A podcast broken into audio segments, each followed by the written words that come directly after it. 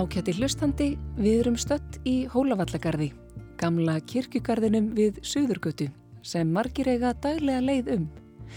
Hingað kemur fólk ímist til að njóta kyrðarinnar eða reynlega til að stitta sér leið. Þó það geti reynst hættu spil því hér er auðvelt að gleima sér við að virða fyrir sér leggsteina, lesa nöfnin og velta fyrir sér lífi ykkvers fólk sem flest var uppi fyrir meira en hundrað árum síðan. Í þessum þætti verður vitjað leiðis afar merkilegrar konu sem gift var tveimur biskupum og livði þá báða. Valgerður Jónsdóttir var síðasta biskupsfrúin í Skálholti og varð síðan aftur biskupsfrú í Reykjavík þegar embættið var flutt þangað. Frá Valgerði er heilmikið ættbói komin og margt merkis fólk með vel niðja hennar. Hvar af margt kvílir hér í Hólavallagarði? En hér verður staldra við leiði barnabarts hennar, Stengrims Torsteinssonar, skálds og rektor lærðaskólins.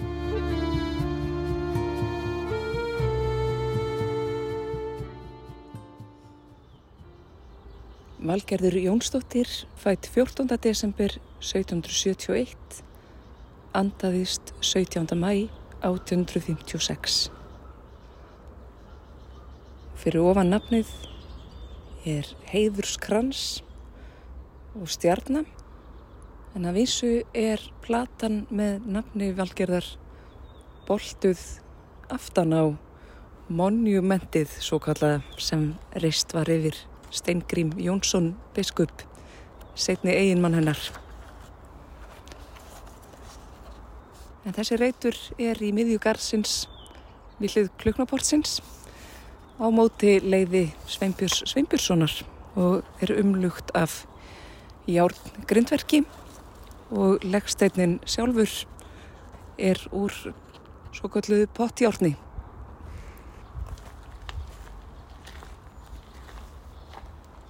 Hínum megin við leiðið þá sér maður nafn Stengrims Jónssonar með miklu flúri, fætur 14. ágúst 1769, andaðist 14. júni 1845.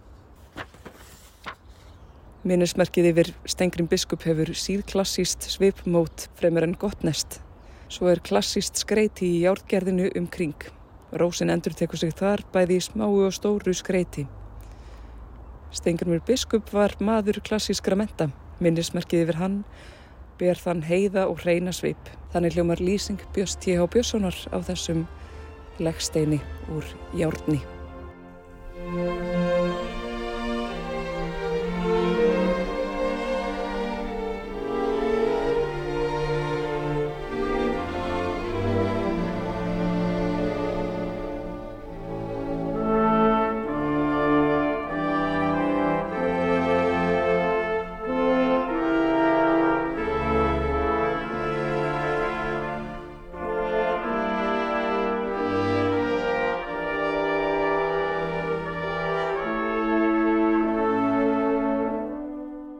Valgerður Jónsdóttir fættist 14. desember árið 1771 á Seljalandi undir Eyjafjöllum.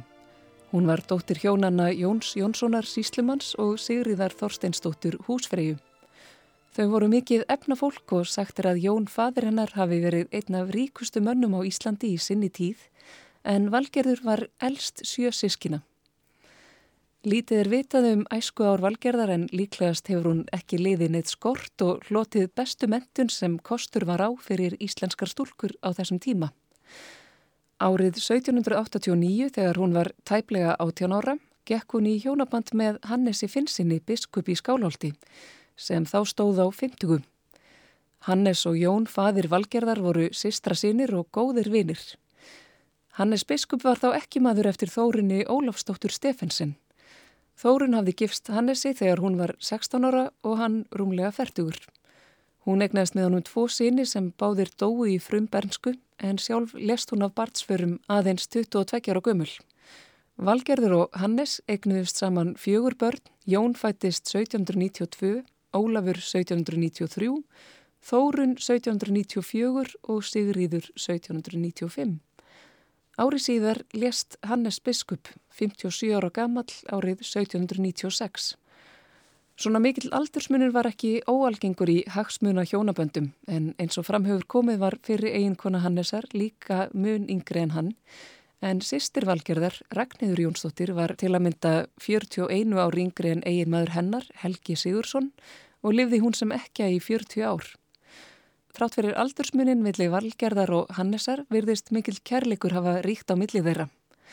Valgerður skrifar í brefi einu eftir lát Hannesar að hann hafi verið sá maður sem ég elskaði heitast og hvernig ég bæði átti og líka gat ei annað en elskað heitast.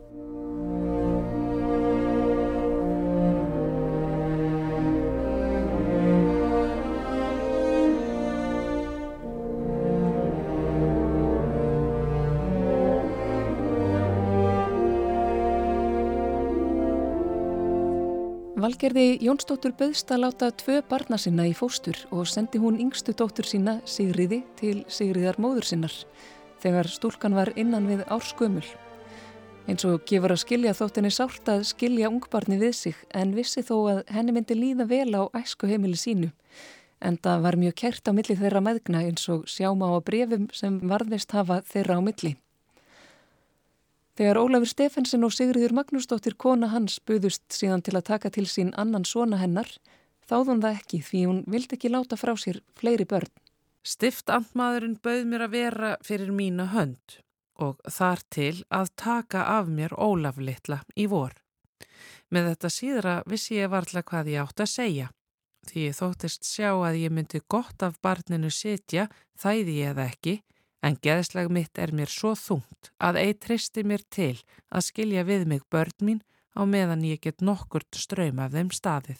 Eftir andlátt Hannesar óskaði hinn 25 ára gamla ekja í Valgerur Jónsdóttir eftir leifi konungs til að setja áfram í óskiptu búi í Skálholti og varðan við beðni hennar í byrjun sumars 1797. Staða Valgerðar í samfélaginu var þá í rauninni einstök á árunum sem fylgdu því hún var þá fullkomlega sjálfstæð bæði félagslega og efnahagslega og var þá auðvugasta kona landsins. Eftir eiginmann sinn erði hún jarðirnar sem hann hafði keifti í biskupstíð sinni, veglegan heimannmund sinn sem og þær jarðir sem Hannes hafði ert eftir þórinni fyrri eiginkonu sína. Þegar valgerður varð ekki var fadir hennar líka látin og bræður hennar of ungir til þess að hafa afskipti af hennar málum. Á því tíóra tímabili sem Valgerður stóð einn fyrir búi í Skálholti hjælt hún brefabók sem inniheldur afrit af bæði personlegum brefasendingum millir hennar og vina og vandamanna en meiri hluti brefana er þó af viðskiptalegum toga sem sínir hversu mikil umsveif hennar voru í samfélaginu. Þegar mest var átt hún 22 jarðir sem hún legði út, sjö báta á fjórum verstöðum og reka ítök í tíu fjörum viðsvegar um landið. Sagt er að hún hafi verið nokkuð hörð við leiguleiða sína og rittist hún til dæmis einum þeirra þegar hann tók í ólefi reka sem henni tilherði og saðan hafa lagt hendur á hann. Árið 1801 hóf valgerður undirbúning á neyðurrifi hinnar gömlu Brynjólfskirkju sem hafi staðið frá 1650 en skemst í Suðurlandskjáltanum 1784. Skálált stóll og skálált skóli var hvort að lagt neyður með konungsbrifi 1785. Sér að Torfi Jónsson prófastur vísiteraði síðan kirkuna 1799 og sagði hann að hruni komna og óhæfa til messuhalds. Brynjólfskirkja var tekið niður sumarið 1802 en samkvæmt dagbókarskrifum Stengrims Jónssonar tók það aðeins sjö daga. Úr brefabók Valgerðar má meðalannar sjá að hún óskaði eftir leifi til að selja hinna gömlu kirkjuklukku til að fjármagna byggingu á nýri kirkju en mögulega lagði hún sjálf til talsvert fjö úr eigin vasa. Valgerðarkirkja, hinn nýja sóknarkirkja, stóð til ársins 1851 og var þá tekið niður.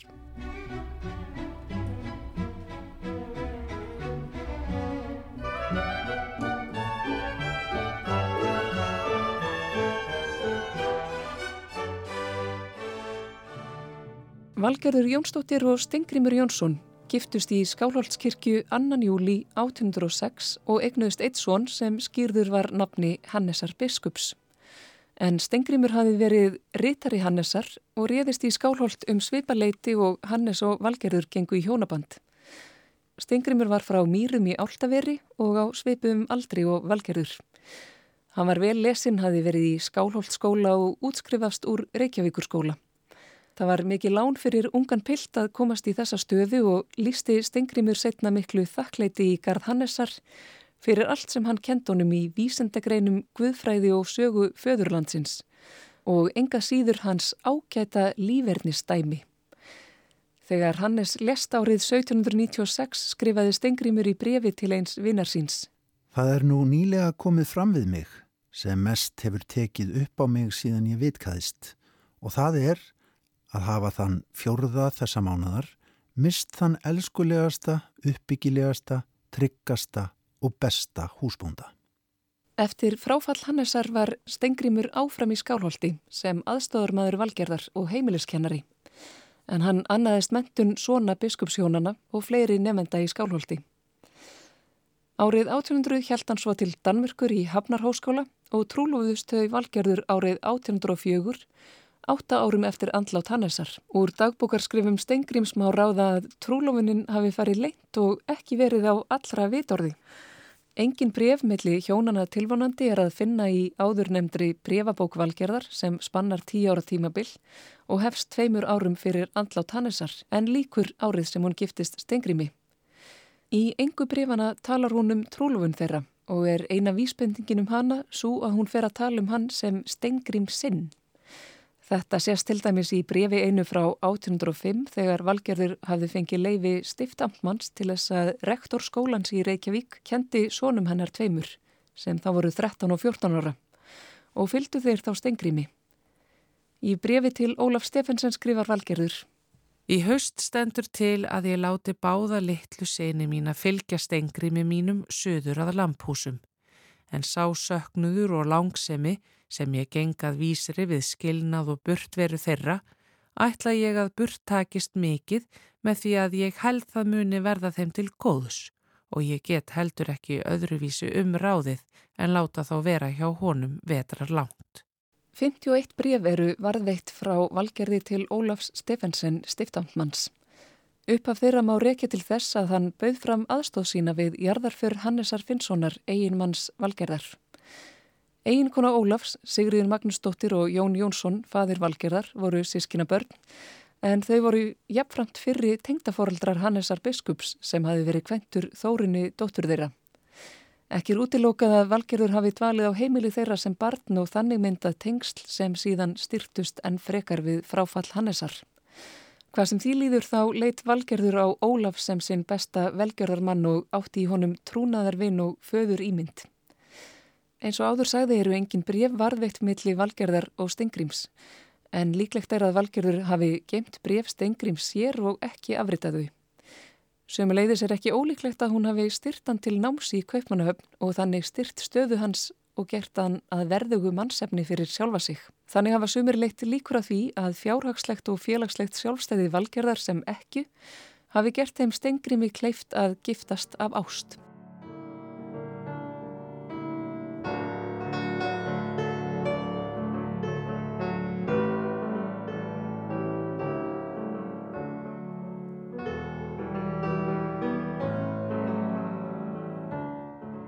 Stengrimi er líst sem svo að hann hafi verið fríður sínum, höfðinglegur í yfirbræði, karlmannlegur á vöxt, í herra meðalagi, herðabreiður og gildur vel eftir hæð. Tógin leitur nokkuð og somdi sér vel, dökkjarður á hár áður en hann hærðist, nefið nokkuð hátt og eins og lítið eitt bóið til hliðar. Hann var bláegur og fríður til augna og hafði hinn frjálslegasta og góðmannlegasta svip en þó nokkuð alvarlegan. Í fasi og framgöngu var hann hinn kurteisasti. Stengrimur lauk ennbætisprófi frá Hafnarháskóla árið 1805 og fekk þá stöðu lektors í Bessastadaskóla sem hann syndi í fimm ár. Þá fekk hann veitingu fyrir 8 á Rángarvöllum og var prestur þar í 14 ár en þá var hann vigður biskup Íslands árið 1824 og settust þau hjónin að í laugarnesi. Stengrimur lést árið 1845 og flutti valgerður þá á heimili dóttur sinnar, Sigriðar og eiginmanns hennar sér að Árna Helgasonar prófasts í görðum á Áltanesi. Þar andaðist hún 84 ára að aldri þann 17. mæ 1856. Í draugum að minningaræðu um valgerði Jónsdóttur eftir tengdason hennar sér að Árna Helgason í görðum stendur skrifað. Guð hafði svo skapað valgerði að hún var afbrað kvenna í útliti, fríð og höfðingleg á svip og í framgöngu með hátt og breytt enni. alvarlegan og þó blíðilegan svip. Í stuttumáli svo af Guði gerð og þeim mannkostum búin að biskup Hannes Finnsson, þessi mikli maður, gintist nú enga konu framar en valgerði. Hún var uppáhald föður síns. Valgerður bauð landsbókasafni, handrétasafn sitt og eiginmanna sinna til kaupa. En Hannes hafði ert sapn föður síns og afa og stengrimur aukið enn við það svo alls taldi það 393 bindi. 5. júni 1846 undirritaði konungur formlegt leifi á kaupunum og er sá dagur talin stoppdagur handrétasaps landsbókasafsins. Því má segja að það sé ákættis minnesvarði um Valgerði Jónsdóttur. Þegar Valgerði lést átti hún 30 barnabörn og fjögur barnabarnabörn. Hann er sonur þeirra Stengrims gerðist kaupmaður og tók upp ættarnafnið Jónsson. Ólafur, sonur þeirra Hannesar, varð háiverdómari en Jón hérasfókiti á Jólandi og tóku þeir báður upp ættarnafnið Finnsen sem fadir þeirra hafði notað á námsárum sínum í Danmörku. En frá þeim er komin Finnsen ættin en Jón var fadir Hilmars Finnsen, landshöðingja og Ólafur fadir Vilhjálms Finnsen hæstaréttardómara og afi Nópalsverluna hafans Níels Finnsen. Sigriður dóttir Valgerðar á Hannesar varð prestfró í görðum eins og áður sagði en Þórun sýstrennar sem skýrð var eftir fyrri eiginkonu Hannesar giftist Bjarnar Torstensinni amtmanni og átti með honum þrjá síni og víkun úr sögunni að yngsta síni þeirra. Steingrímur Torstensson fættur 19. mæ 1831 dáinn 21. ágúst 1913 og undir því Guðriður B. Torstinsson, kona hans, fætt 30. september 1857, dáinn 28. mæ 1919.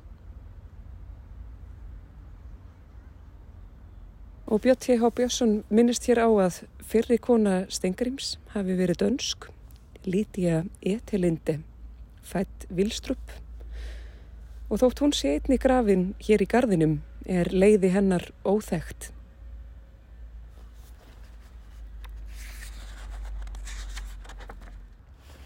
Hann lýsir leggsteininum sem óslípuðum kletti og skrifar að ofarlega í hansi greift svip mikil vangamind eftir Ríkard Jónsson. Mjögur svo mynd lík teikningu sem Ríkardur gerði af steingrími aðeins rúmum mánuði fyrir andlát hans þann 17. júli 1913 að hér er líklega eftir henni farið. Eirmyndin af Stengrim er hátt mótuð, skorp í dráttum og berða frána svipmót þjóðskáldsins sem síðan hefur greipst í hug Íslendinga.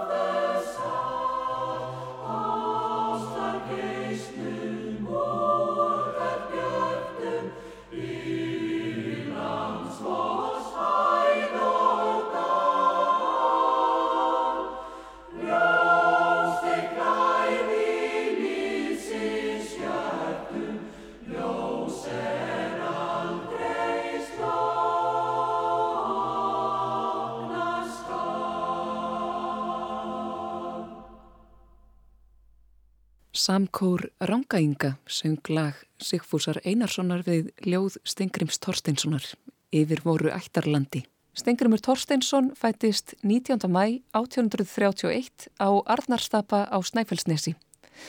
Hann var síðastur í röð fjögur að drengja sem amtmannshjónunum á Stapa fættust. Elstur var Finnur, síðan kom Stengrimur sem lest aðeins viku gamall, síðan Árni og svo Stengrimur yngri. Árni Torstensson bróðir Stengrims átti eftir að verða landfókiti. Finnur og Árni fóru báðir til menta í Danmörku en aðeins Árni snýri aftur heim til Íslands því Finnur vektist í kóleru faraldri og lést sumarið 1853, 31 árs að aldri. Benedikt Gröndal kynntist Finni og lísti honum í dagradvöl sem litlum vexti, fríðum sínum og fínum manni, mennlausum og góðum. Hafði gaman af skemmtunum en var samt hófsmaður og mesti djentulmaður. Sömuleiðis lýsir hann árna sem þunnvöksnum og óþroskuðum en lagaðist með aldrinum og gerðist höfðinglegur. Miklu stærri og tilkomi meiri en Bjarni fadir hans. Hann var miklu líflegri og tölulegri en Finnur og oft skemmtilegur. Þegar Stengrimur var að alast upp, bjó rýmnaskáldið Sigurður Breiðfjörðum tíma í næsta nákrenni við æskustöðar hans. Á rýrðarkoti norðan við Sölvahamar, þegar Stengrimur fór síðar um þessar slóðir á fullorins árum, sá hann tóftir bæjar Sigurðar og hvað eftirfarandi vísu. Fyrrum hér sem hagstætt vera helst mér kynni, Breiðfjörðingur braga sinni, bjó í fyrstu æsku minni. Þangað skáldi í bastlir bjó á bala grónum, yfrum rend ég einat sjónum, ósálfrátt af berja mónum. Barn ég var en eitthvað innst mér ólst í laumi, upprýst nú úr áraströymi, áður hvað ég livði í draumi. Þarna teltan söngva samti sló og rýri, auðnu lausum ólán grýri, að honum heimur baki snýri. Hans á tungu ljóðið lék svo létt og glaðan, auðug ríkir indislaðan í því besta sem að hvaðan. Árið 1846 helt Stengrimur 15 ára gamall, söður til Reykjavíkur í skóla og þá var hann byrjaður að yrkja. En fyrsta kvæðið sem hann festi á blað svo vitað sé er frá þessu sama ári. Hannes Pétursson Ritthöfundur bregður upp eftirfarandi mynd af Stengrimi á þessum aldri. Hann er lágur í loftinu og kvikur á fæti, hefur ert vakstarlag föður síns en andlitsfall móður sinnar. Frít og festulegt og augu hennar grá, blá og tindrandi undir dökkum brúnum. Ennið er hátt og nokkuð kveld, hárið þygt, slétt og rappnsvart. Mentaskóla ár Stengrims voru viðburðarík, svo ekki sé meira sagt, en hann var einn af forsprökkum periatsins svokallaða. Uppreysninni gegn Sveinbyrni Eilsinni rektor skólans sem sagt var frá í öðrum þætti fólksins í gardinum. Á skólagöngunni leittist honum oft eins og sjáum á brefum hans til Finns bróður síns en tungumál lágu þó vel fyrir honum og baðan Finnum að útvöga sér ímsar bókmentir frá útlöndum til dæmis eftir Bæron, Hæne, Viktor Hugo og Beranger. Ef þú fengir fyrir þær gott verð, þætti mér það mjög vænt, skrifar hann bróður sínum í september 1848. Stengrimur kynntist Benedikt Gröndal á skólaárum sínum og lýsir Gröndal honum á þennan veg. Skólapilta þekkti ég ekki marga og líti mani eftir þeim, nema Stengrimi Torstensson og Magnúsi Stefensen. Þeir voru báðir litlir og ákaflega höfuðstórir enda hefur verið meira í þeim hausum en flestra hinna. Ég kom ekkert saman við þá nema lítið eitt við Stengrím á síðustu skóla árum hans. Hann var þá farin að yrkja og helst sá kunningsskapur nokkuð frameftir en dopnaði síðan. Eftir vill hefur periatið flekt samband þeirra Stengrims og Benedikts Gröndal sem var sonur Sveinbjörns Egilsonar en hann skrifaði mitt ótímabært andlátt föður síns á þá sálar ángist sem uppreist skólapiltana olli honum Stengrimur orti þó eftirmæli um Sveinbjörn við andlát hans og virtust þá deilur þeirra honum með öllu glimtar og lýsir hvæðið hreitni lotningu fyrir hans gamla lærimestara. En síðustu línur hvæðisins eru svorljóðandi. Já, margara kvistir fúna fyrr en fölnar lauf á þínum meiði.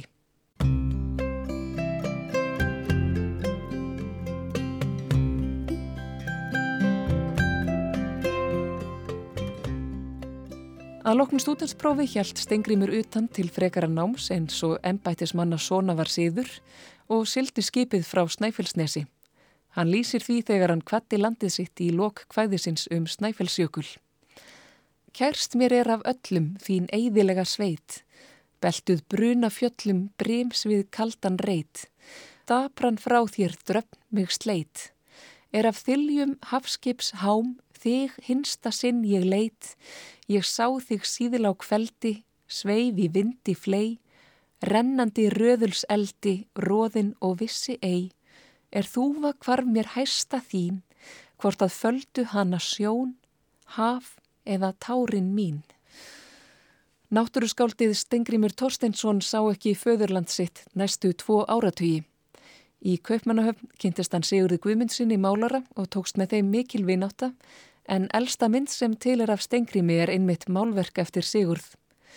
bræður Stengrims voru líka stattir í Danmörku á þessum tíma, árni í lögfræðinámi en Finnur var orðin starfsmæður bæjarfókjetans í Álaborg.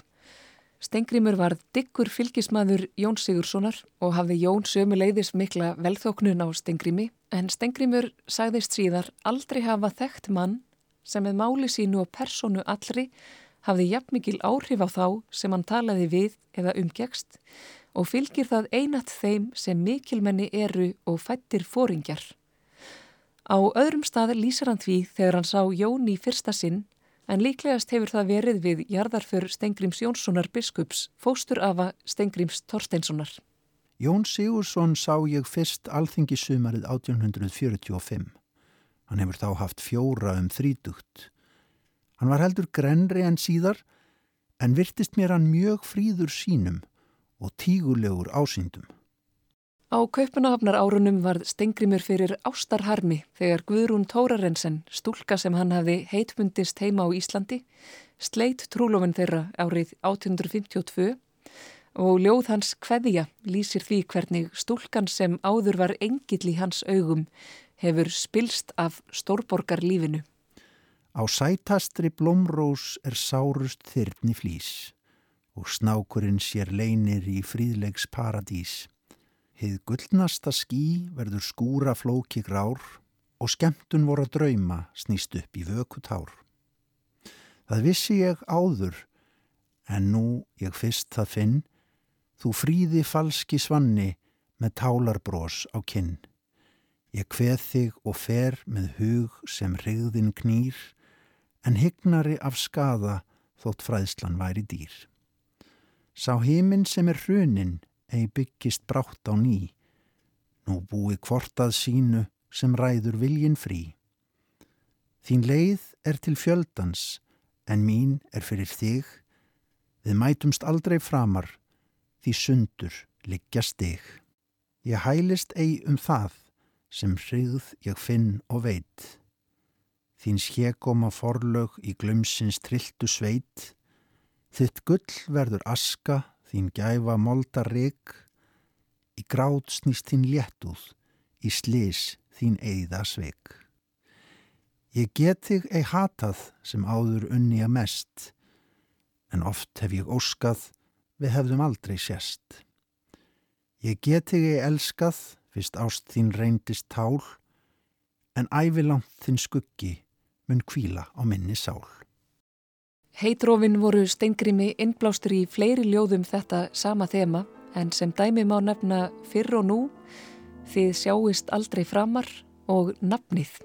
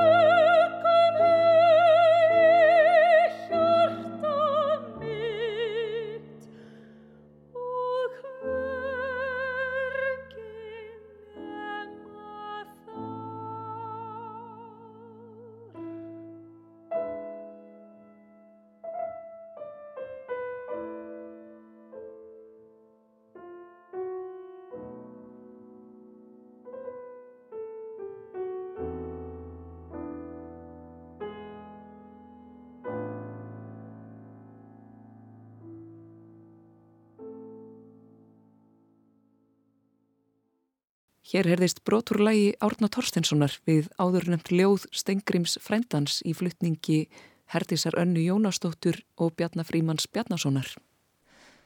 Stengrimur keftist á þessum tíma við að yrkja og hyrti lítið um lögfræðinámið.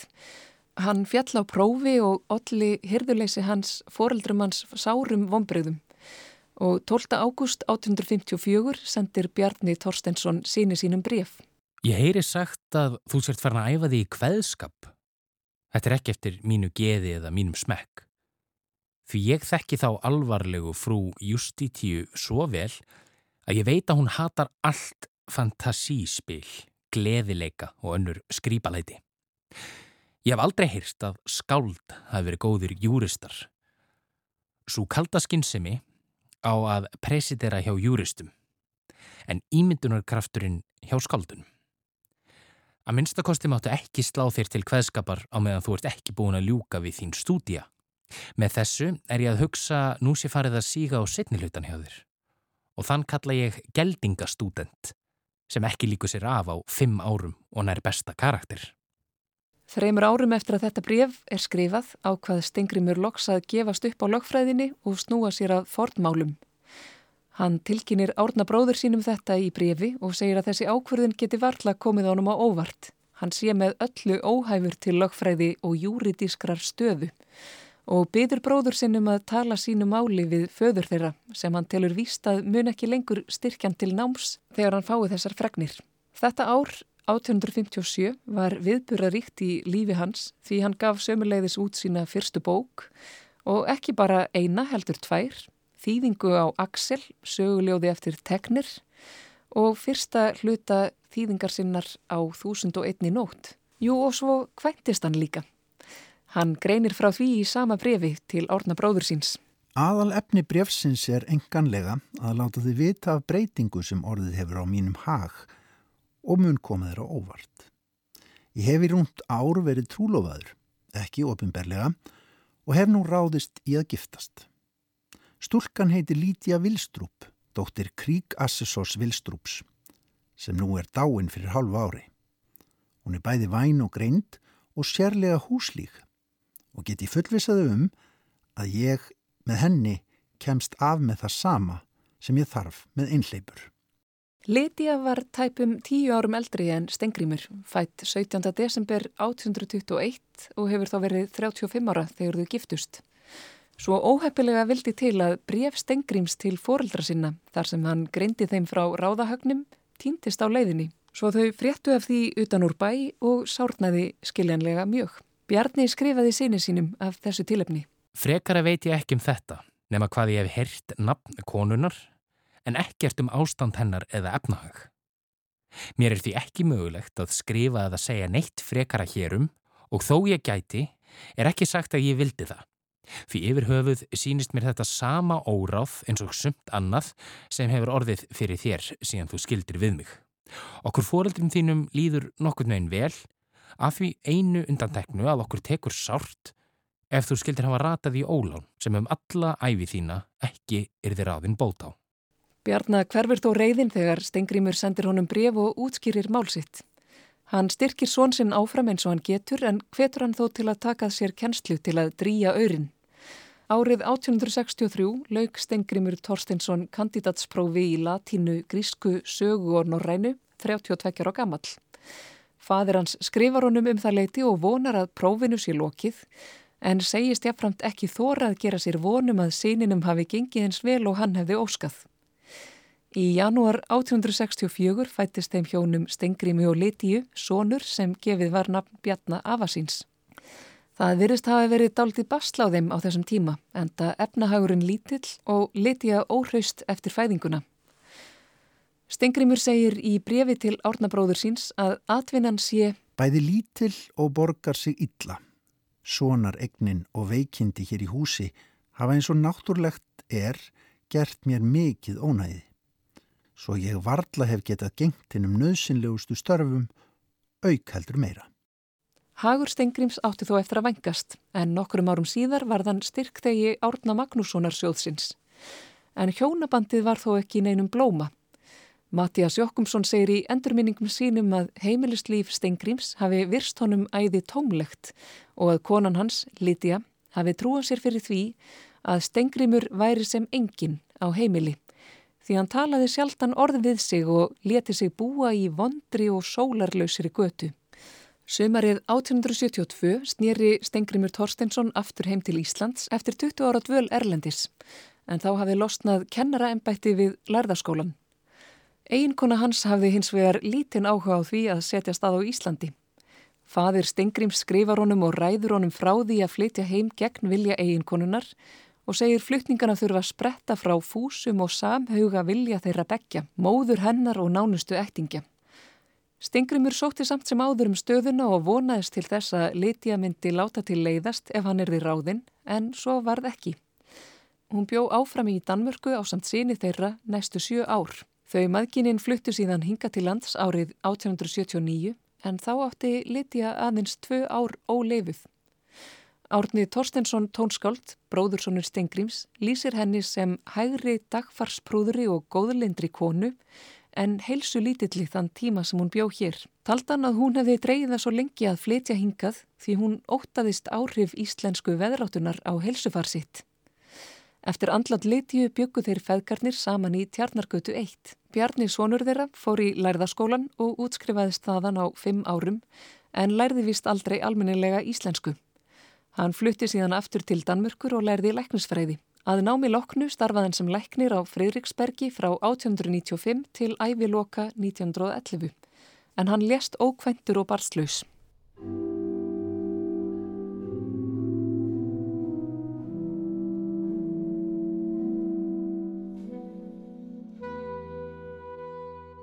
Sjöunda júni 1890 kventist Stengrimur Torstensson í annað sinn, ungri stúlkuða nafni Birgitta Guðriður Eiríksdóttir. Hún var 25 árum yngri en eigin maðurinn, hafi verið ráðskona hans um tíma og þegar alveg honum þrjú börn áður en þau gengu í hjónaband. Þórð Aðalstein, Steinunni og Þórunni sem lest aðeins sjö mánuða gömul. Eftir að þau Stengrimur gengu í hjónaband bættust við þrjú börn, Haraldur, Þórun og Axel. Á sjötugsamæli sínu var Stengrimur kjörinn heiðursfélagi hins Íslenska bókmentafélags en hafði þá verið varaforsindi þess í sex ár og gengdi áfram þeirri stöðu næstu 11 árin. Árið 1904 var hann settur rektor mentaskólans í Reykjavík, þá 73 ára, og kendi grísku, fornaldarfræði og latínu skólaveturna sem fyldu. Á áttræðisamæli hans var mikið tilstand og blöktu flögg á hverri stöng í bænum. Hátt á annað hundra manns komu saman í sal yðnarfélagshúsins og komust víst færri að enn vildu. Hafi hinn áttræði æskunar fulltrúi eigi vita það fyrr hvei honum er unnað jaft af ríkum og háum sem fátækum og smáum, þá veit hann það nú, eftir daginn í gær, var ritað í Ísafold daginn eftir herligheitin. Stengrimur let af störfum rektors árið 1913 með því skilir þið að hann fengi að halda fullum launum. Málið var tekið fyrir í þingi og samþýgt á þingfundi 12. júli. Stengrimur fekk hins vegar ekki notið eftirlaunana lengi því hann lést aðeins mánuði síðar, 21. ágúst 1913, 82 árað aldri. Jarðarför hans fór fram að viðstötu miklu fjölmenni þann 30. ágúst. Haraldur Níelsson las húskveðju og lísti þar stingrimi á þennan veg. Hann var meðalmaður vexti, fremur þrekvaksinn um herðar og snarlegur, dökkarður og dökkbrítn, enkennilega hárprúður til dauðadags, hærðist seint. Andlitið var frít, svipriðin á því mikil og augun ljómandi fögur. Minnist ég eigi að hafa séð feguri augu en hans, nema að vera skildi í indverjum. Þegar hann helt ræður í samkvæmum var hann andríkur með afbreyðum og einhver látlaus tign yfir allri framkominni. Í raun og veru var hann alltaf aristokrat, þótt hann væri yfirlætislaus. Minning Stengrims Torstenssonar lifir í ritverkum hans til að mynda þýðingu hans á Þúsund og einni nótt og ævintýrum og sögum eftir Hási Andersen. En ekki síst ljóðum hans sem mörg sönglög hafa verið samin við. Þjóðskáldið Stengrimur Torstensson skildi við að haustlægi og er því viðegandi að ljúka þessari yfirferðum æfi hans á þessum ljóðlínum eftir hann. Fagra haust þá fóld ég hveð, faðum mig vef mig þínum, bleikra laufa láttu beð, að leggstað verða mínum.